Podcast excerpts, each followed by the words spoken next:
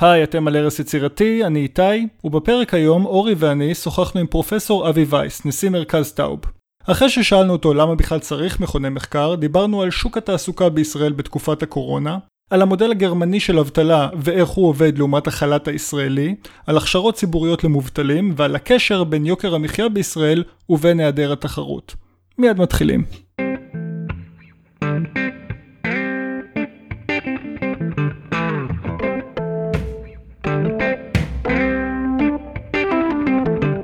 ברוכים הבאים לארץ יצירתי, פודקאסט על כלכלה, חברה וכל מה שביניהם. אבי, שלום ותודה רבה שהסכמת להתראיין לפודקאסט. שלום אורי ותודה רבה על, על הברודקאסט, אני מאוד שמח לעשות את זה ושלום לכל המאזינים. אז uh, אנחנו נתחיל לדבר באופן כללי על, uh, על מכון טאוב שאתה עומד בראשו. אז מכון טאוב הוא אחד המכונים הוותיקים והמובילים בישראל בכל מה שקשור למחקרי מדיניות אה, אתם באופן קבוע מגיעים, המחקרים שלכם מגיעים לעיתונים ומתפרסמים, אולי נתחיל מלדבר באופן כללי על התרומה של מכוני מחקר, מה, מה לדעתך התרומה העיקרית שלהם אה, לעומת חוקרים שיושבים למשל בבנק ישראל, במשרד האוצר, במקומות אחרים, או באקדמיה לחילופין? כן, שאלה מצוינת. תן לי קודם כל לתקן אה, טעות מאוד נפוצה, שקשה מאוד לתקן אותה אצל כולם. אנחנו בעצם השם שלנו זה מרכז טאוב ולא מכון טאוב, וזה קשה מאוד להחדיר את זה לראש של כולם. Uh, אז בואו בוא באמת נדבר על, ה, על, הש, על השאלה הזאת. Uh, תשמע, מכוני מחקר בדרך כלל, ככלל, המטרה שלהם זה בעצם כאשר הם, הם, הם מכוונים לפוליסי, מכוונים ל, ל, ל, למה קורה, לפעילות של, של גופים ממשלתיים, אז הם בדרך כלל אמורים בעצם להרים מראה ולתת למקבלי החלטות אפשרות להסתכל במראה, לראות טוב טוב מה עובד, מה לא עובד, לראות תמונה מלאה של כל הסיפור.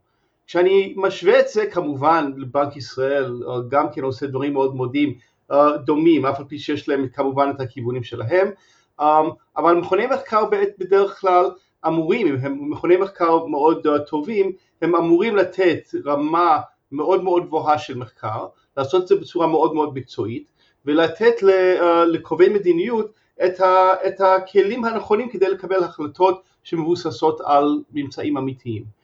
Um, עכשיו כשמשווים את זה למה יכול לצאת מתוך אוניברסיטאות, הבעיה באוניברסיטאות זה לא אי היכולת לעשות את אותו דבר, ודאי שהם יכולים לעשות בדיוק את אותו דבר שאנחנו עושים, וכמובן אנחנו מאוד דואגים שהרמה שלנו, של המחקר, יהיה כמו הרמה של המחקר שקורה בתוך האוניברסיטאות, אבל תחשוב על, ה, um, על ה המרצה או על הדוקטור הצעיר או אפילו על הפרופסור שנמצא בתוך האוניברסיטה, כל מערך התמריצים הוא שונה מאוד. מה שהם צריכים לעשות בשביל הקריירות שלהם, מה שהם ממוקדים, ממוקדים לעשות מחקרים שהם יוכלו לפרסם אותם בתוך ג'ורנלים בינלאומיים או ספרים אה, חשובים או כנסים חשובים והמיקוד שלהם הוא לאו דווקא המיקוד של אה, מקבלי החלטות בתוך ישראל. ולכן הרצון שלהם uh, לעשות מחקרים שמכווני מדיניות היא מאוד מאוד קטנה. למרות, לעומת זאת זה כל הכוונה שלנו. כל הכוונה שלנו ושל uh, uh, כמובן מכוני מחקר אחרים זה בעצם לעזור לקובעי מדיניות לקבל החלטות נכונות. עכשיו אם המכון מחקר הוא מכון טוב הוא עושה את זה ברמה מאוד מאוד גבוהה ואם הוא נוטרלי שזה הרבה יותר קשה להיות אז הוא גם עושה את זה בצורה שהמראה שלו מראה את כל התמונה ולא רק חלק מתמונה. יש איזה נקודה שהזכרת לי כשאני ניסיתי לקרוא לאחרונה על המשבר של שנות ה-80, תקופת האינפלציה הגבוהה, היה המון פרופסורים לכלכלה כמו אסף רזין ואחרים שכתבו באופן קבוע בעיתונים על מדיניות כלכלית בישראל וכמובן את ברונו שהתעסק עם המשבר הזה והיה ממש ויכוח ויש איזושהי תחושה שהיום זה כבר לא כל כך קיים, אין הרבה פרופסורים לכלכלה באוניברסיטאות שמתבטאים באופן, באופן קבוע על מדיניות. באופן קבוע אתה צודק. Uh, כמובן שכרגע עם כל מה שקורה עם המגיפה שקורית בכל העולם, uh, זה כבר זה השתנה קצת והרבה מאוד מהפרופסורים, לא רק בארץ אלא בכל העולם, התפנו כדי לחקור את הנושא הזה ולשאול שאלות על הנושא הזה. אבל באופן כללי אתה די צודק, כפי שאמרתי, החוקרים בתוך האוניברסיטאות בדרך כלל ממוקדים במחקרים שלהם, והמטרה שלהם זה לא בשביל, או בדרך כלל לא בשביל השוק הישראלי, גם בגלל שאם אתה מפרסם בשביל השוק הישראלי, קודם כל אם אתה עושה מחקר רק על השוק הישראלי קשה יותר לפרסם את זה, וגם אם אתה מתמקד רק בשוק הישראלי, אין לך כל כך הרבה אה, מקומות לפרסם את המוצרים שלך שיוכרו לשם הקידום שלך, לכן קבלת הפרופסורה שלך, והתמריצים, המבנה תמריצים הוא אחר. האנשים שעשו את זה ועדיין עושים את זה, הם האנשים הבכירים בתוך המערכת, לא החבר'ה הצעירים במערכת שצריכים לדאוג למשהו אחר. נכון, אני יכול להגיד לך למשל באופן אישי שבנוגע לרבעון הישראלי לכלכלה שאתה העורך שלו, אז אני בתור דוקטורנט, אנשים אמרו לי לא לפרסם שם, כי זה פחות נחשב מאשר ז'ורנלים בינלאומיים. כן, זה מאוד מצער, ובאמת uh, uh, זה המצב, ושבאמת uh, כאשר אתה מגיע לנקודה של קידום בתוך האוניברסיטה, אז יש אוניברסיטאות שבכלל לא, לא יחשיבו, או קצת מאוד יחשיבו פרסומים ברבעון לכלכלה, למרות שזה כמובן הרבעון המוביל בישראל, אבל עדיין הם רוצים שאתה תפרסם בג'ורנלים הבינלאומיים ולא בג'ורנל בתוך ישראל. דיברת על התמריצים של קובעי המדיניות, דיברת על התמריצים של המרצים, אם נדבר רגע על התמריצים של קובעי המדיניות, הם בעצם מחויבים לבוחרים שלהם ולבחירתם מחדש, אז כשאתה מגיע לאותם פוליטיקאים ומציע את עזרתך או מנסה להשפיע על המדיניות, הם מתייחסים אליך בתור, או הנה מגיע אבי עם המחקר האיכותי שיבוא ויעזור לנו אה, לקבוע מדיניות נכונה, או בתור זה שמנסה לבלבל אותם עם העובדות, ומנסים בינתיים אה, לדאוג אולי למשהו שינעם יותר לבוחרים. טוב, אף אחד לא רוצה שתבלבל אותם עם עובדות, זה באמת לא טוב, אבל אי אפשר להסתכל על, על, על כל הפוליטיקאים כמקשה אחת, זה פשוט לא נכון. אני יכול להגיד לך שישנם פוליטיקאים שנפגשתי איתם שבאמת רוצים לדעת מה קורה, באמת רוצים ללמוד את מה שאתה מראה וגם אם אתה מראה להם דברים שהם באמת סותרים את מה שהם חושבים או שזה לא בדיוק הולך עם, עם השקפת עולם שלהם, הם מקשיבים, הם רוצים להבין, רוצים לדעת, אבל זה לא כולם. יש בהחלט uh, לא קצת פוליטיקאים שפשוט, uh, כפי שאמרת, אל תבלבל אותם עם עובדות, אבל אם זה לא בדיוק הולך לפי מה שמעניין אותם, מה שהם חושבים, אז הם פחות מתעניינים לדעת. אבל אל תשכח ש, שזה, זה, כשאתה מדבר על יחידים, על בודדים.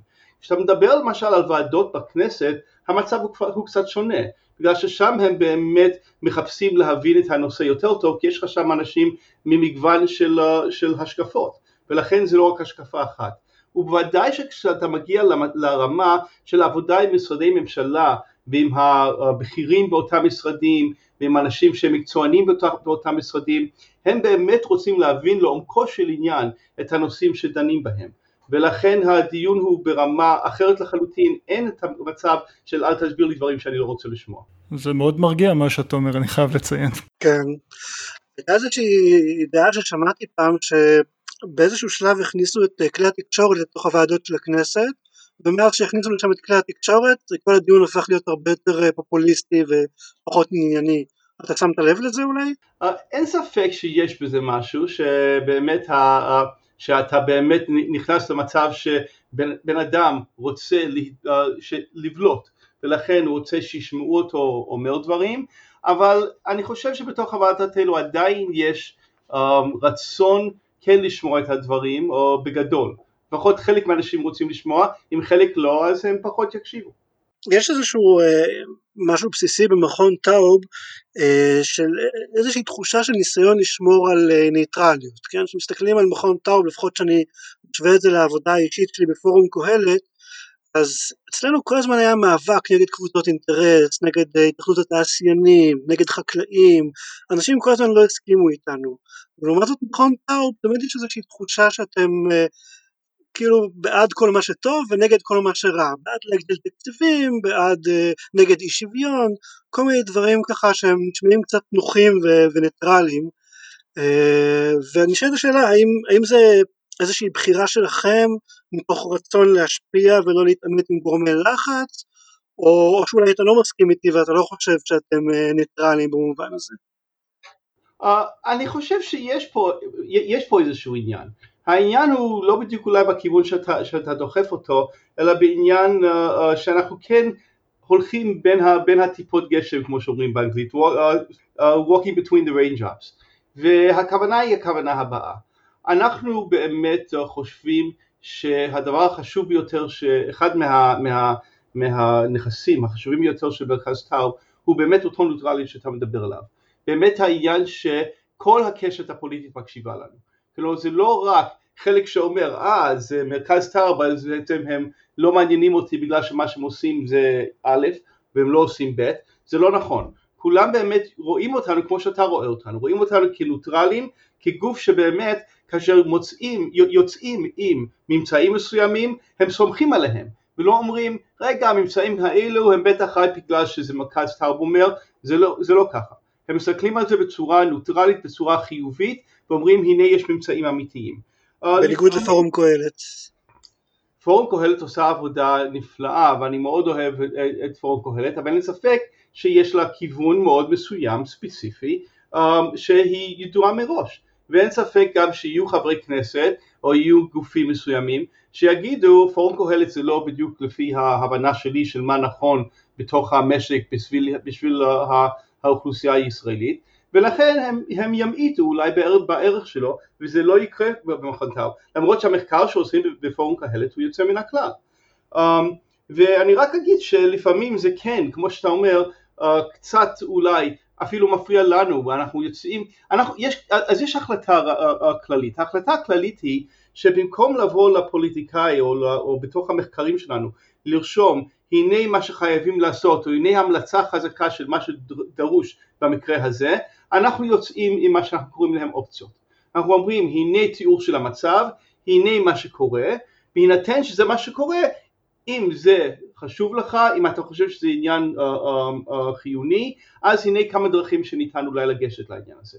ואז כשאתה מקבל את זה בצורה הזאת, אז אתה רואה את זה כלאו, uh, פחות אולי על הראש, אתה חייב לעשות א' ב', אבל מצד שני לפעמים אתה בתור חוקר יודע מה היית רוצה להגיד שיעשו בדיוק אבל אתה לא אומר את זה בגלל שאתה באמת um, לא רוצה um, בעצם to disorient, לגרום לכך שחלק מהאנשים פשוט יפסיקו להקשיב לך.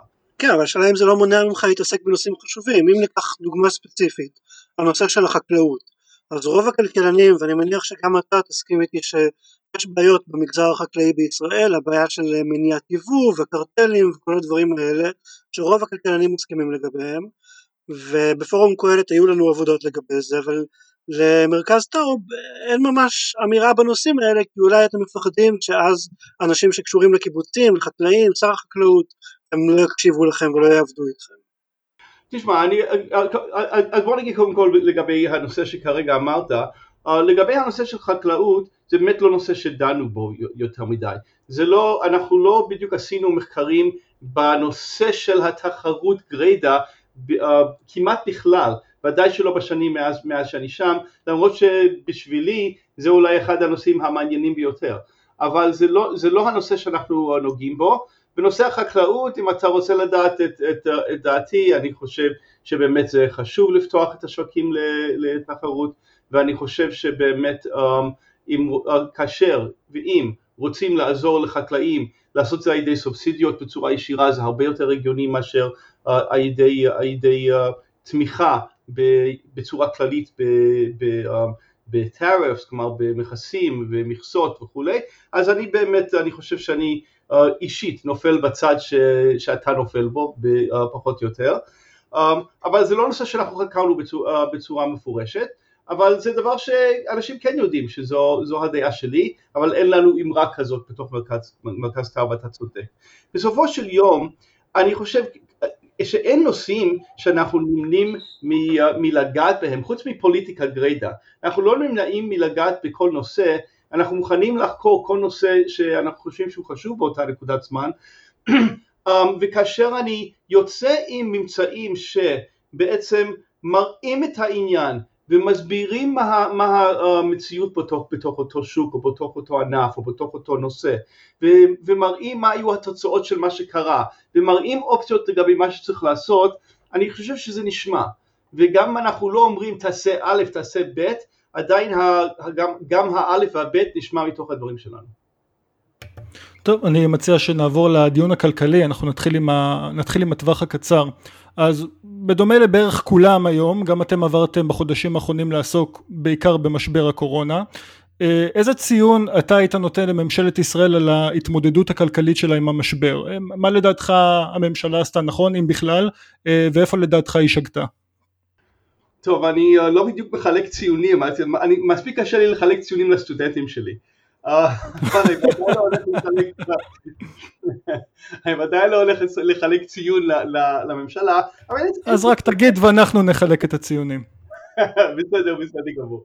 אמ, ואתה יודע, בסמסטר האחרון החלק גדול עבר לבינארי, או שהוא עובר או שהוא לא עובר, אבל זה כבר שאלה אחרת.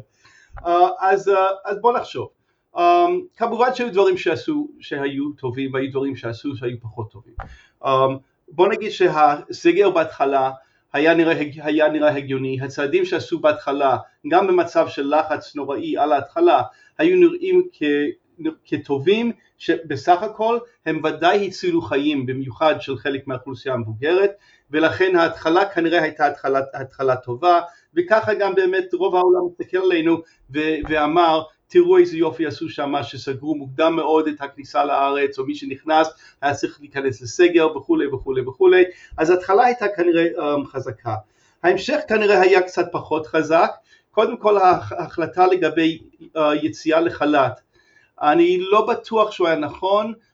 המודל הגרמני שכולם מדברים עליו יכול להיות שהוא היה הרבה יותר טוב, הוא היה מאפשר חזרה לשוק העבודה הרבה יותר בקלות מאשר מה שקרה כתוצאה מהחל"תים um, ולמרות הפחד שהיה לאוצר בנושא הזה של, של מרמה שיקרה אם יעברו למודל הגרמני, יכול להיות שבכל מקרה זה היה נותן לנו תוצאות יותר טובות מבחינת החזרה לעבודה לאחר המעשה.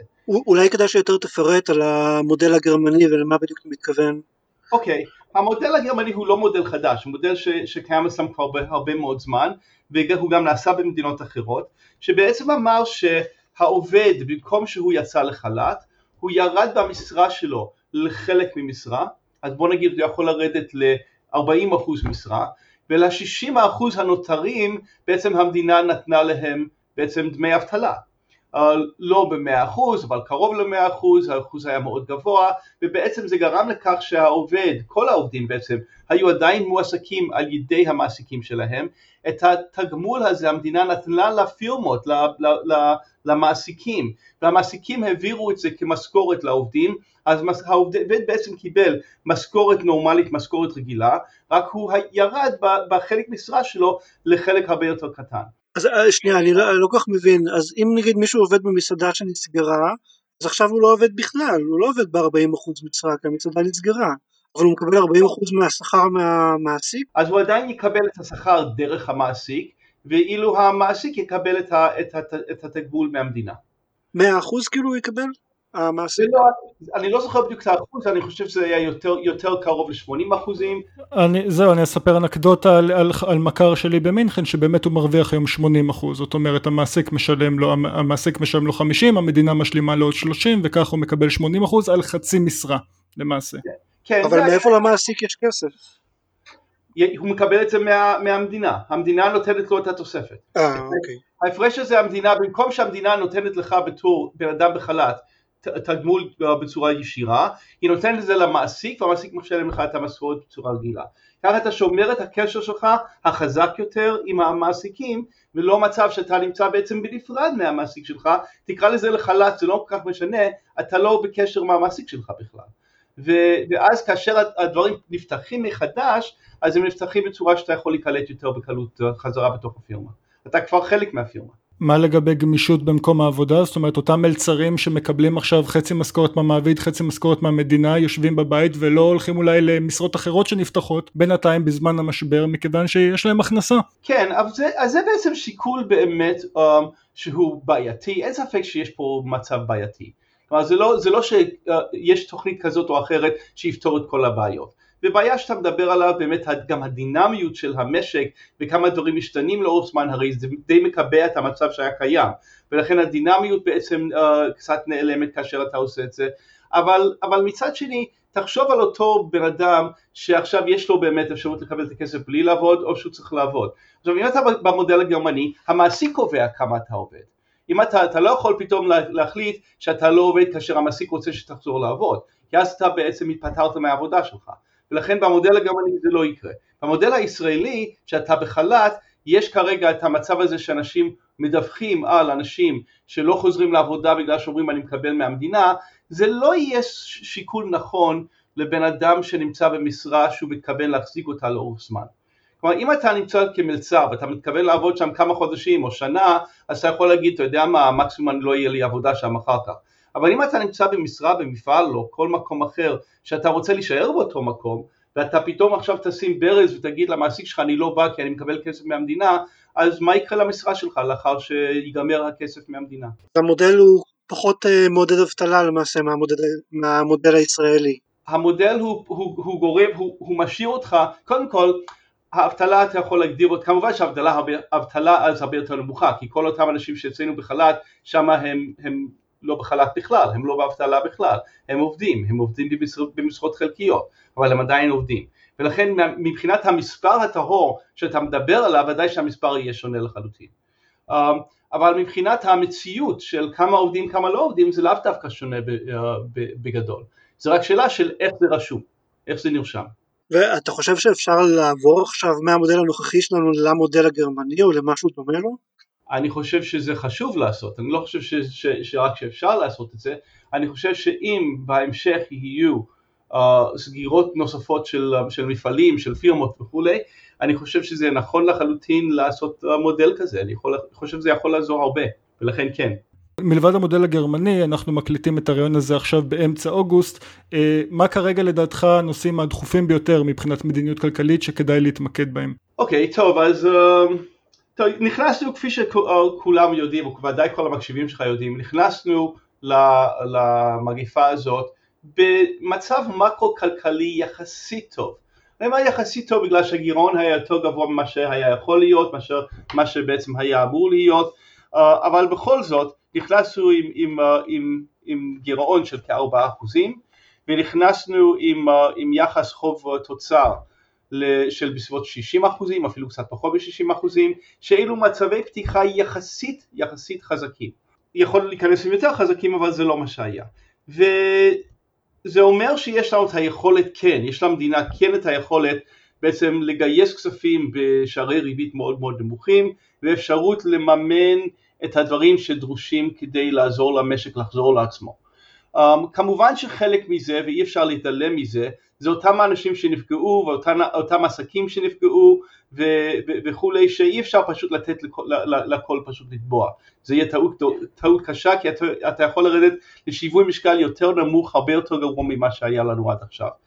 um, אבל מצד שני הדברים שאני חושב שהכי חשוב להשקיע בהם הם דברים שיכולים לעזור למשק שלנו לצאת מהמשבר בצורה הכי טובה, שזה אומר דברים שבעצם מעודדים צמיחה.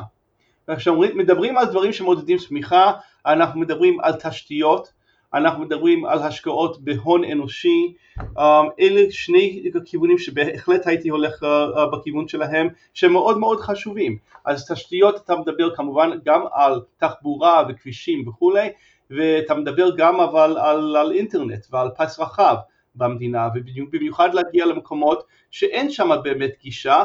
אנחנו, אני אומר להמון אנשים המון זמן, הרבה מאוד זמן שהאוכלוסיות הערביות הן בעצם לדעתי אחד ממנועי הצמיחה הגדולים שהולך להיות לישראל בשנים הקרובות. וחלק גדול מהאוכלוסייה הזאת גרה בכל מיני uh, uh, כפרים בצפון או בדרום שאין להם גישה טובה לאינטרנט, אין להם גישה טובה לטכנולוגיות מתקדמות ולכן היכולת שלהם באמת להשתלב בצורה טובה בתוך המשק היא מוגבלת. וזה זמן חשוב, זמן נכון להשקיע באותם, באותם אוכלוסיות, באותם מקומות כדי באמת uh, לקדם אותם בשביל העתיד כדי שנוכל לצמוח.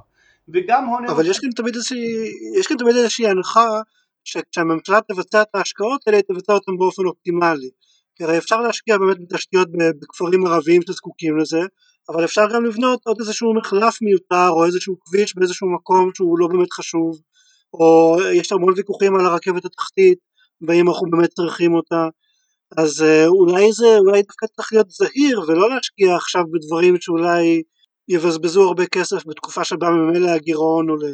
או איך אנחנו מוודאים שההשקעה בתשתיות הולכת למקום הנכון ולא רק מגדילה את ה-G בשביל להגדיל את ה-G. כן. לא, מסכים. אתה לא רוצה להגדיל את ה-G כדי להגדיל, אתה לא רוצה להגדיל, G זה הוצאות, הוצאות ממשלה, אתה לא רוצה להגדיל את הוצאות ממשלה רק כדי להגדיל את הוצאות ממשלה, זה בטוח שהוא נכון. Um, אתה גם לא יכול להיות uh, במצב ש... אתה זהיר עד הגרוש האחרון. אתה לא יכול במצב, אתה לא תדע במדויק בדיוק מה הכי טוב. אתה יכול לדעת כיוונים, אתה יכול לדעת בגדול איפה החורים הגדולים, אתה יכול לדעת שיש לנו בעיה של תחבורה ציבורית בישראל, אתה יכול לראות את ההשלכות שלו, אתה יכול לדעת שיש לנו בעיה של תשתיות באזורים מסוימים, אתה יכול לראות שזה לא קיים באזורים מסוימים, אתה יכול, אתה יכול לדעת שזה משפיע על, על, על תלמידים שצריכים פתאום ללמוד מרחוק, שאין להם תשתיות מספיקות כדי לעשות את זה. אז האם אתה תקלע ב-100%? לא, אתה לא תקלע ב-100%. אתה אפילו לא תקלע ב-90%. אם תקלע, אתה יודע מה, ב-80%, אני אשמח מאוד. בגלל בסך הכל אתה תעשה הרבה מאוד דברים טובים, וגם אם תבזבז קצת כסף, זה במקום פשוט להמתין עד שיש לך את כל התשובות. והאויב הכי גדול של, של הטוב הוא המצוין, ואנחנו יודעים שזה יכול להיות בעיה. אוקיי, okay, אתה הזכרת בנוסף להשקעות אה, אה, בהון, דיברת גם על אה, השקעות בתשתיות, דיברת גם על השקעות בהון אנושי, ובאמת ראיתי בדוח השנתי שלכם שיצא במחצית השנייה של חודש מאי, אה, דיברתם הרבה על המובטלים החדשים. את, אה, אה, רשמתם שאתם מוטרדים מכך שרבים מהם לא יחזרו למעגל העבודה, גם אחרי הקורונה, אה, והפניתם הרבה חיצי ביקורת אה, לזמינות הנמוכה של הכשרות לעובדים על ידי המדינה. אה, אני קצת אה, סקפטי, אני לא יודע לגבי אורי, אני מניח שגם אורי, אבל אני קצת סקפטי לגבי היכולת של הממשלה להכשיר עובדים למשרות הנדרשות במשק, גם שהם יקלעו למה צריך וגם שהם יעניקו לעובד אה, בין החמישים המפוטר את, את הכלים הנדרשים כדי להשתלב בעבודה במקום, בתחום חדש. אז מה, מה, מה המחקר אומר? מה הנתונים אומרים? יש לזה, הדבר הזה נושא פרי? Uh, שאלה מצוינת איתי, אז בוא, אז בוא באמת ניקח צעד אחד אחורנית ונלך לכל התיאוריה של בעצם השקעה בהון אנושי ואז נחשוב על באמת מה הדברים הנכונים ומי יכול לעשות ומי צריך לעשות. אז אם אנחנו מסתכלים על ההיסטוריה, כמובן היה את התיאוריה של המנחה שלי לדוקטורט שלי, הפרופסור גרי בקר, שדיבר על כך שבעצם צריכים לקחת הון אנושי ולחלק אותו לשני, לשני סוגים. יש הון אנושי כללי, שזה סוג הדבר שיעזור לך בהרבה מאוד סוגים של מקומות עבודה, הרבה מקומות, מקומות עבודה שונים, הרבה מאוד סוגי עבודה mm-hmm. שונים, ויש לך uh, הון אנושי ספציפי, שהוא ספציפי לענף מסוים או אפילו לפירמה מסוימת, ובעצם הדברים האלה מתנהגים בצורה מאוד מאוד שונה. עכשיו הון אנושי כללי יכול להיות למשל הכשרות בסיסיים בשימוש במחשבים, באוריינטציה uh, uh, uh, מתקדמת, כל מיני דברים שיכולים לשפר, לשמש את העובד בהרבה מאוד מקומות.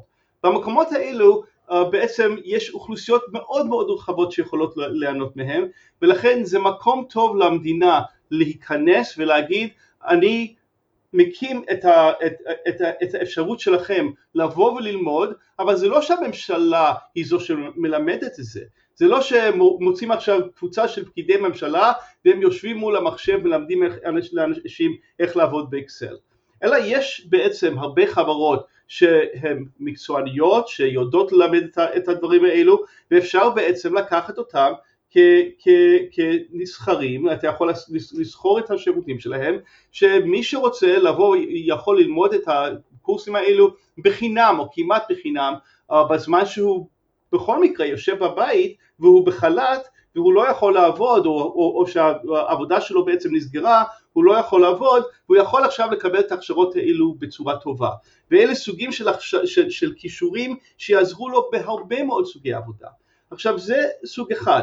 הסוג הספציפי, שם אתה צריך את הפירמות. הפירמות האלו שצריכות לתת את ההכשרה, בגלל שרק הן יודעות מה שהן צריכות. ורק הן יכולות לתת את ההכשרה בצורה שהיא אופטימלית בשביל הפירמה.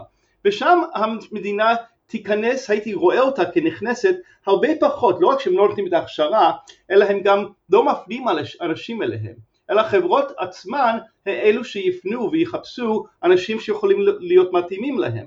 ואז אתה עובד במצב של ואוצ'ר כזה, שהחברה בעצם מקבלת ואוצ'ר שבעצם מאפשר לה לקלוט ככה וככה וככה אנשים שלא רק שיבואו ויקבלו הכשרה אלא שגם יקלטו, ייקלטו אצלם בעבודה או חלק מהם ייקלטו אצלם בעבודה um, לתקופה מסוימת לפחות ואז הם מקבלים בעצם את האפשרות להכשיר עובדים במה שהם צריכים בצורה שהיא מאוד מאוד um, זולה בשבילם ושיכולה לשמש אותם ולשפר את היכולת שלהם לצמוח לאחר שהסיפור הזה נגמר וגם עכשיו.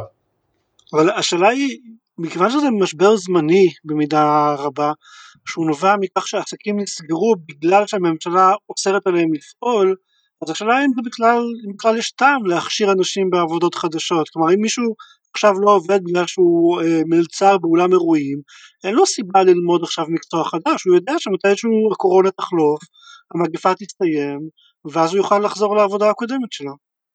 כן, אם הוא רוצה לחזור לעבודה הקודמת שלו, אם הוא לא רוצה ל, ל, לנסות להגיע למשהו טוב יותר, שייתן לו גם משכורת גבוהה יותר. כלומר הרבה אנשים בעצם, אנחנו יודעים שחלק גדול, אנחנו מכירים את ההייטק הישראלי וכמה שהוא מדהים ואת כל ה start-up nation וכולי וכמה שזה עושה טוב לישראל ואת הפרסומת שלו לישראל, אבל אנחנו יודעים שזה 9% מה, מהכוח עבודה וש-91% לא נמצא שם. אנחנו יודעים גם שהמיומנויות כפי שנמדד על ידי, על ידי ה-OECD, המבחן פיאט, um, בישראל, לאנשים שלא נמצאים בהייטק, שנמצאים בחלק הנמוך יותר של, ה, של הכלכלה, הם מאוד מאוד לא טובים, ויש לנו, והפריון שם מאוד נמוך. אם אנשים יכולים לקבל באמת הכשרה טובה כדי לשפר את המעמד שלהם, לשפר את היכולת שלהם להשתלב במקומות שייתן להם גם משכורת יותר גבוהה וגם כמובן פריון יותר גבוה כי אחד בעצם נובע, המשכורת נובע מהפריון אז בעצם זה דבר שהוא יגיד לעצמו למה לא, או חלק מהאנשים יגידו למה לא? למה לי לחזור להיות מלצר כשאני יכול לחזור ולעשות משהו אחר לחלוטין? אם אני לא טועה יש מחקר נדמה לי של גלעד ברנד אה, אצלכם שאמר שאין הרבה פוטנציאל נוסף לאנשים שיוכלו להיכנס לתוך ההייטק אם אני זוכר נכון כן, אם אתה באמת מסתכל על מה שגלעד עשה, גלעד עשה עבודה נפלאה באמת, אה, עבודות נפלאות, לא רק עבודה אחת, אמ, אז, אז באמת אתה, אתה רואה שאם אתה לוקח את החלק שלא נמצאים בהייטק, האחוז שנשאר כדי באמת שיש להם את הכישורים להיכנס להייטק הוא לא מאוד מאוד מאוד גבוה. אז אני לא מדבר דווקא על הייטק כלבן, אני מדבר גם על דברים בינוניים. גם על דברים שהם לא פה ולא שם, אלא זה רק שיפור של הכישורים שכרגע יש לך, וזה יכול להכניס אותך למקומות מסוימים, ואולי אתה לא תהיה אה, בתוך צ'ק פוינט, אבל בכל זאת תהיה לך משרה הרבה יותר טובה ממה שיש לך. אבל אני אגיד לך יותר מזה, מה שאחד מהדברים ש, ש, שהמחקר שגלעד הצביע עליו, זה שצריך um, להתחיל בגיל הרבה יותר מוקדם. כלומר שבאמת אולי לחלק גדול מהאוכלוסייה היכולת היום להכניס אותם למשרות הרבה יותר טובות הוא מוגבל, אבל זה לאו דווקא נכון לגבי הילדים שלנו ולגבי חבר'ה שנמצאים בתוך בית ספר תיכון או בית ספר אפילו יסודי ששם לשפר את ה... את ה וגלעד גם מדבר על זה, ששם לשפר את הכישורים יכולה להיות לזה השלכות מאוד מאוד גדולות לטווח ארוך. אני חושב שמה שאני אוהב בהצעה הזאת בעיקר זה לפחות התחושה שלי שהיא משלמת על עצמה גם בדמי אבטלה שאתה לא תשת... תשלם בעתיד וגם אולי במס הכנסה גבוה יותר שאתה תיקח אם תצליח באמת להעלות את המשכורות של אנשים באמצעות ההכשרות הללו. נכון ושוב זה חשוב להבין שאף אחד לא מבקש שהממשלה ילמד את הקורסים הם פשוט אומרים תאפשר לאנשים לקבל את זה כדרך לגרום לצמיחה יותר מהירה אחר כך. כן אבל זה, זה קצת מזכיר לי את ה... המהפכה של המכללות בשנות התשעים, שגם אז היה אמירה מאוד מאוד דומה שבוא ניתן לכולם תואר ראשון ובוא נכשיר הרבה אנשים והממשלה לא הכשירה, זה היה מכללות פרטיות שקמו על ידי יזמים והם אלה שהכשירו את האנשים והתוצאה של זה כמו שאנחנו יודעים הייתה די עלובה בשטח, כלומר הייתה איזה סוג של אינפלציית תארים, שיעור בעלי התואר הראשון גדל באופן דרמטי ב-20 השנים האחרונות והפריון, פריון העבודה בישראל לא צמח יחסית למדינות האחרות אני גם יודע את זה באופן אישי, אני לימדתי במכללות האלה ואני ראיתי שבאמת סוג האוכלוסייה שהולכת לשם זה אנשים שלא מפיקים הרבה מהתואר הראשון שלהם, לפחות זה היה הרושם שלי ומאוד קשה ללמד אותם דברים שבאוניברסיטה הרבה יותר קל. ואני לא בטוח שכל השקעה כזאת בהשכלה באמת מייצרת אה, תמיכה, לא, לא תמיד השכלה זה לא תמיד הון אנושי. והנה הפסדנו את המאזינים אה, בוגרי המכללות, כן אבל. אז, אז אני, אני די מסכים איתך וגם אתה מסתכל שוב נחזור למחקרים של גלעד אחד מהדברים שהוא באמת הראה זה אם אני לוקח את, ה, את האנשים בחצי התחתון של המיומנויות כפי שנמדד על ידי ה-OECD ואתה בוחן אה, מה, הייתה, מה ההחזר שלהם מקבלת תואר כי האחוז שמקבל תואר בישראל הוא מאוד מאוד גבוה יחסית למדינות אחרות, אתה רואה שהוא לא נגיד אפס, אבל לא, לא מאוד רחוק מאפס, כלומר הוא מאוד מאוד נמוך, ובסך הכל... כן, גם, לי, גם לי היה מחקר שהראיתי את הדבר הזה. בדיוק, בדיוק, ו, וזה בעיה מאוד מאוד גדולה. אבל בוא נזכור גם um, מה, מה קרה ב, ב, בחלק גדול מהמכללות האלו, מה הם לימדו. אז בעצם מה שקרה זה שגדל בצורה מדהימה כמות האנשים שלומדים משפטים ועסקים.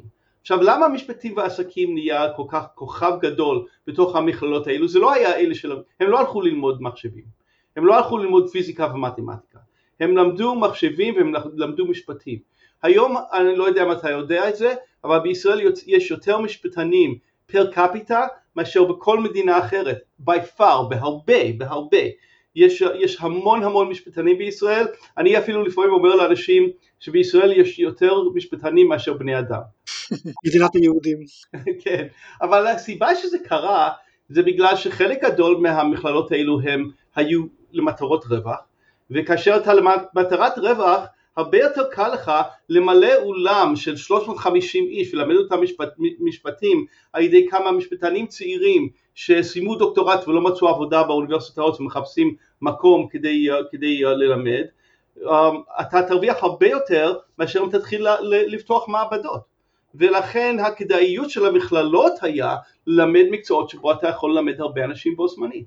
וזה כמובן הוביל לכך שהרבה מאוד אנשים למדו את זה וכמובן גם חלק לא קטן מהאנשים שבאו ללמוד um, באו, uh, uh, אנחנו יודעים שהיו הרבה מאוד מה, מהאוכלוסייה החרדית שהגיעה ללמוד באוניברסיטאות הייחודיות או לא ייחודיות אבל הלכו ללמוד משפטים. כי, ש... כי, כי משפטים היה בעצם הדבר הכי קרוב למה שהם כבר בעצם הכירו כן, אבל, אבל זה, זה לא רק משפטים, כלומר זה גם, למשל הדוגמה האישית שלי, אני מכיר אנשים שלמדו כלכלה ואני גם לימדתי כלכלה במכללות ורמת הלימוד אה, הייתה הרבה הרבה יותר נמוכה מהכלכלה שלימדתי באוניברסיטאות, לא בגלל שרציתי, אלא לא הייתה לי ברירה.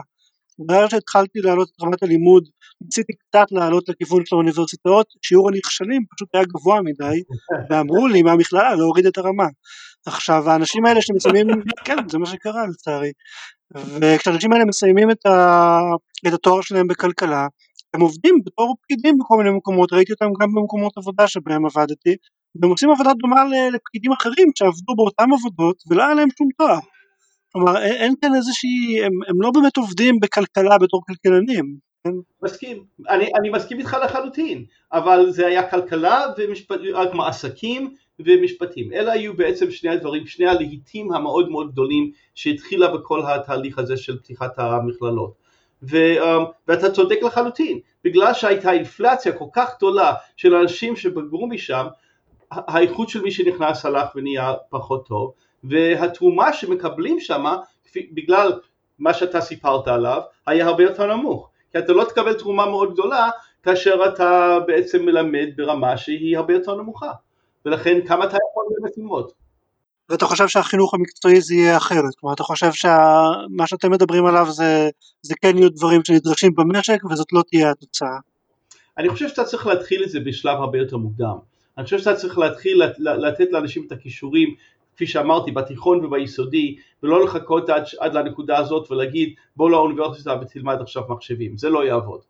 וזה מה שהמחקר של גלעד הראה, שזה לא יעבוד. ולכן זה באמת צריך להתחיל בשלב הרבה יותר מוקדם.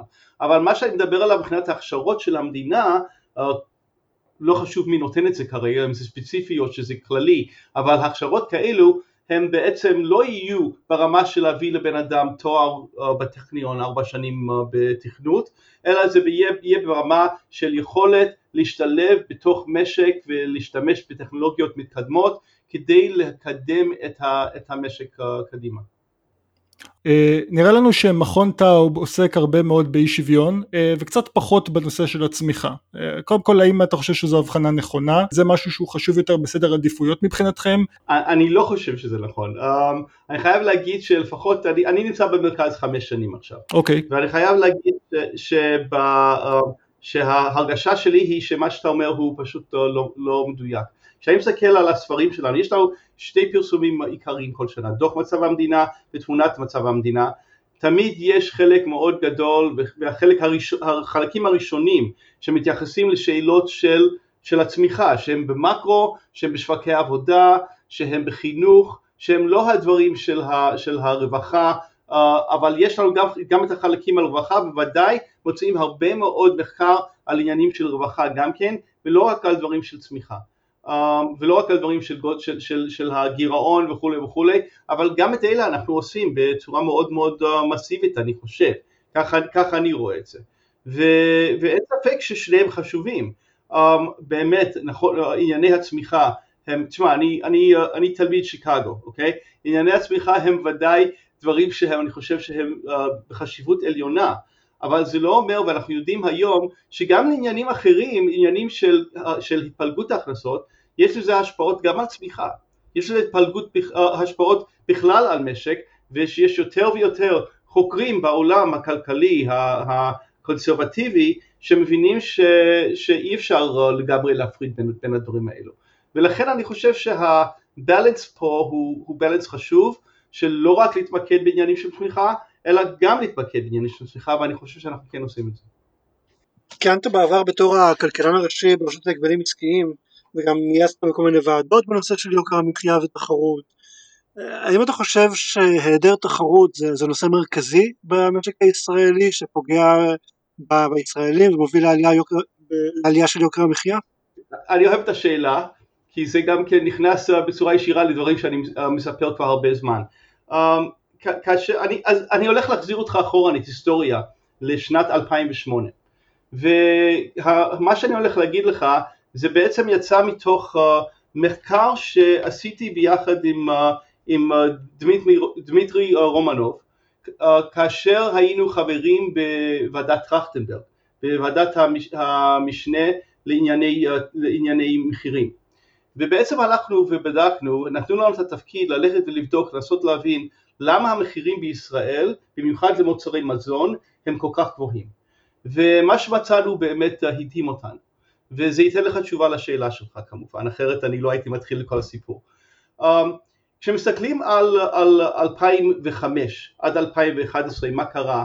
אז ב-2005 המחירים בישראל היו uh, נמוכים, מחיר כללי, נמוכים uh, מאשר ב-OECD בסביבות 16%.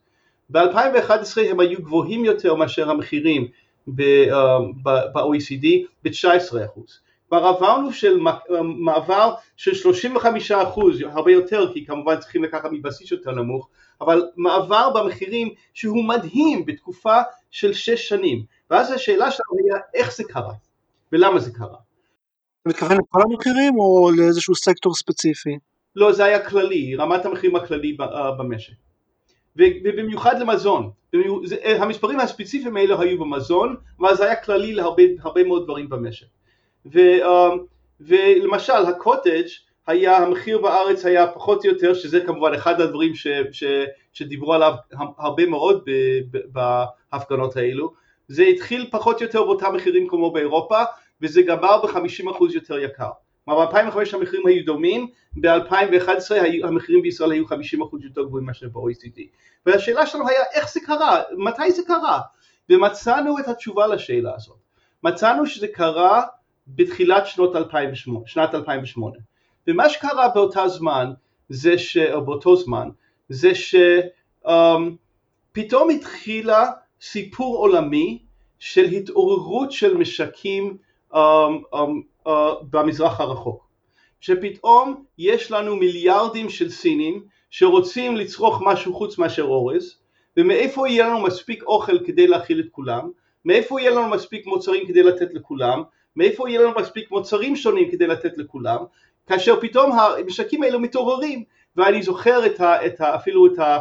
את ה-Time Magazine ו-Newsweek Magazine שהיה להם באמת את השערים שלהם על, על, עם דברים מדהימים שבאמת התחילו לשאול uh, uh, מה יקרה.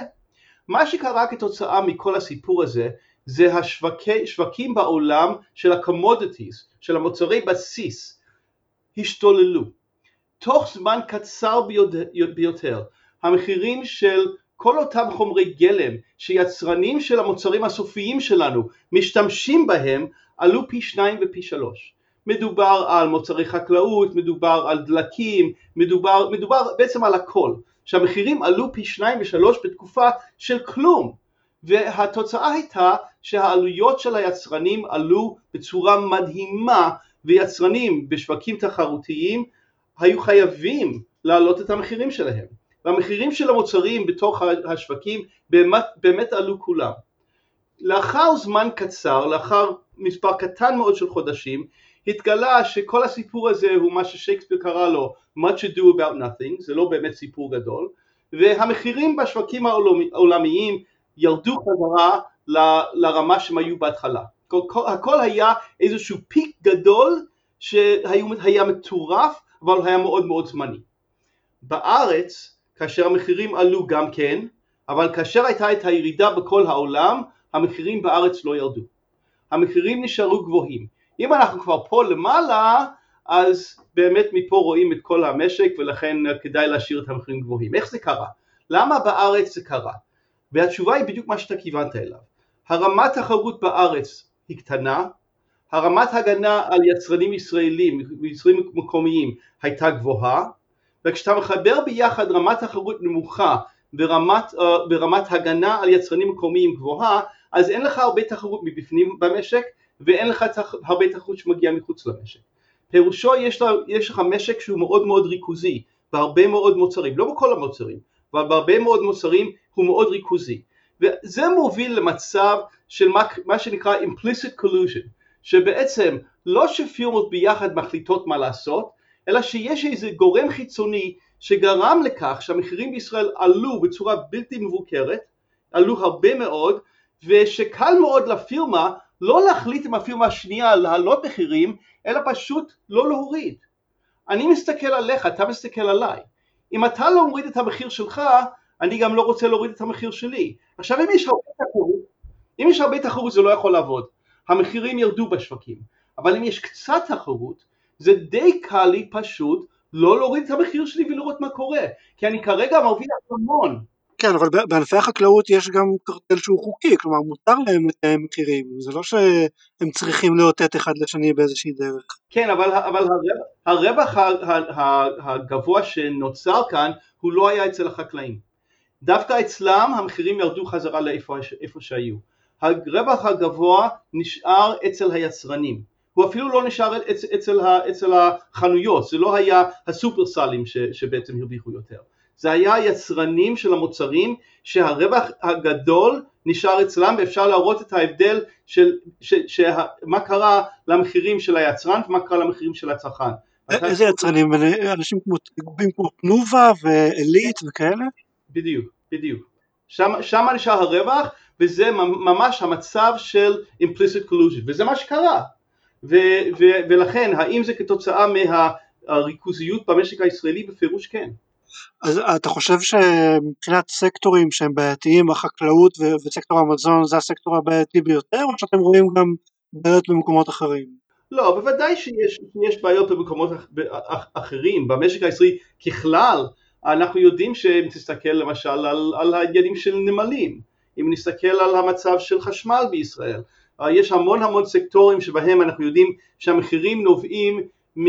מ מרגולציות היסטוריות, ממבנה היסטורי במשק הישראלי שגרם לכוח שוק מסוים בשווקים מסוימים שקשה מאוד לשמור אותם, שיש להם המון המון יכולת אה, לשמור על המחירים הגבוהים. ולכן זה לא רק במזון, מזון כמובן זה דבר שהוא יומיומי לכל, לכל אחד מאיתנו, גם חשמל כמובן, אבל, אבל, אבל, זה, אבל זה לא רק מזון, זה גם, אנחנו יודעים, uh, בנקים בישראל, אנחנו יודעים שיש לנו משק מאוד ריכוזי, אבל שם אתה מדבר על בעיה אחרת, בעיה של חסמי מעבר, שחסמי מעבר זה בעצם הדבר שכשאני חושב על רשות ההגבלים או היום רשות התחרות, מה היא צריכה לעשות, מה התפקיד העיקרי שלה, זה בעצם לגרום לכך שחסמי מעבר uh, ייעלמו.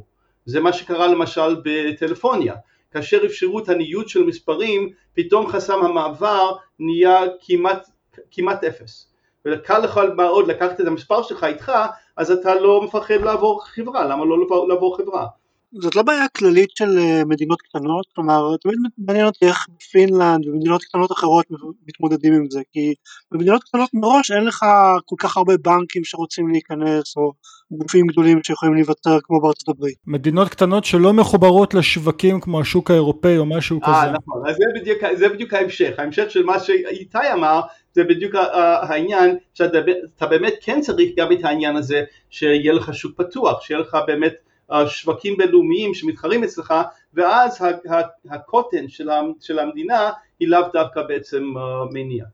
אז השאלה אם אתה חושב שזאת בעיה אינהרנטית במדינת ישראל בגלל שאנחנו פשוט מדינה קטנה ואין יותר מדי מה לעשות אז תמיד נהיה באיזשהו פיגור מול שאר העולם מהבחינה הזאת. מהבחינה הזאת כן, כלומר מבחינה שאנחנו באמת מדינה יחסית קטנה ולא רק זה אלא גם אנחנו מדינה די מבודדת, אנחנו אי בגלל שאנחנו מסובבים במדינות שאנחנו כמעט לא סוחרים איתן בכלל ולכן רמת התחרות, המיידיות של התחרות שאתה מקבל ממדינות אחרות היא קצת פחות, היא קצת פחות טובה ממה שאתה מקבל uh, uh, במדינה באמצע אירופה. Uh, כן. אוקיי, okay, uh, אנחנו מתקרבים לסיום, אז uh, רציתי שאלה על האוכלוסייה החרדית. אתה בתחילת הרעיון התייחסת למגזר הערבי בתור אחד ממנועי הצמיחה. אה, אז רציתי לשאול בעצם שתי שאלות האם גם אתה מתייחס לאוכלוסייה חרדית בתור איזשהו מנוע צמיחה נסתר שעכשיו אה, יכול להתחיל להתעורר אה, ומצד שני אולי אתה שותף לפסימיות של רבים אחרים בנוגע למגמות הדמוגרפיות העתידיות שקשורות גם למגזר החרדי. אוקיי, okay, uh, כמובן שעונים על השאלות בסדר ששואלים אותם, לא בטוח שתמיד הייתי עושה את זה, אבל בוא נעשה את זה. אז, uh, אז בקשר להאם אני רואה אותם כמנוע צמיחה. כרגע עוד לא. לא שאין שם פוטנציאל, יש שם פוטנציאל אדיר, אבל השאלה זה גם רצון. וחלק גדול ודאי שמהאוכלוסייה החרדית עדיין אין לה את הרצון להשתלב בשוק ובוודאי לא בשוק המתקדם. Um, ולכן כל עוד זה לא, לא משתנה בצורה משמעותית, אז בעצם הם, הם לא יהפכו למנוע צמיחה מאוד מאוד גדול. אצל האוכלוסייה הערבית אני כן רואה את הרצון, אני רואה את זה אצל תלמידים שלי, אני רואה את הרצון העז שלהם להצליח ולשפר את המצב שלהם ושל כל המגזר. ולכן אני, אני רואה את ההבדל ביניהם במובן הזה. וגם אם יש רצון של, ה, של, ה, של החבר'ה הצעירים שרוצים כן לצאת לשוק העבודה לפעמים המנ, המנהיגות בעצם מעלה באמת חס, את החסמים שדיברנו עליהם מקודם חסמי מעבר זה גם סוג של חסם מעבר. uh, כשאני מסתכל על הפסימיות אולי אני פחות פסימי מאשר, מאשר אולי קבוצות אחרים, אולי גם בגלל שזה הטבע שלי להיות, להיות פחות פסימי, אבל, אבל קודם כל אנחנו עשינו מחקרים, עשינו מחקרים, כמה מחקרים במרכז, שבו עקבנו אחרי um, תלמידים שנכנסו לבית הספר ויצאו מבית הספר וראינו שיש מעבר של תלמידים מבתי ספר חרדים לבתי ספר הרבה פחות דתיים, גם לדתי לאומי וגם למערכת הכללית של, של החינוך הממלכתי ואנחנו רואים את המעבר הזה בעצם כאיזשהו סיגנל לשינוי שקורה שם. כשאנחנו עושים את ההערכות של מה יהיה גודל האוכלוסייה החרדית אנחנו יוצאים ממספרים יותר נמוכים מאשר הלשכה המרכזית לסטטיסטיקה בבנק ישראל דיברו עליו לפני שנה. Um, זה דבר אחד, דבר, או לפני שנתיים אפילו כבר שדיברו על זה. Uh, דבר שני, אנחנו כן רואים כמובן יותר השתלבות של האוכלוסייה החרדית, כמובן נשים, אבל גם יותר גברים שכן הולכים ולומדים מקצועות uh, uh, טכנולוגיות וכן מקבלים משהו כדי לשפר את מצבם בשוק העבודה, זה קורה יותר מאשר זה קרה בעבר, יש יותר מכונים חרדיים שקמו כדי באמת לתת לאנשים שרוצים את, את זה, את ההכשרה הזאת, וגם בתי ספר יסודיים שנפתחו שהולכים בכיוון של גם לימודים כלליים ולא רק לימודי קודש. כן, אבל לגבי ההשכלה הגבוהה אני הבנתי שיש להם שיעורי נשירה מאוד גבוהים. מאוד גבוהים, אבל, אבל, אבל זה, אבל ה, כן כן, לחלוטין, ממש ממש גבוהים, uh, אתה בעצם מוצא מצב שמכל מי, מי שמתחיל את הלימודים שלו במוסד להשכלה גבוהה בערך, בערך רק 40 אחוז בעצם מסיימים את, ה, את הלימודים שלהם, שזה בעצם נשירה ענקית.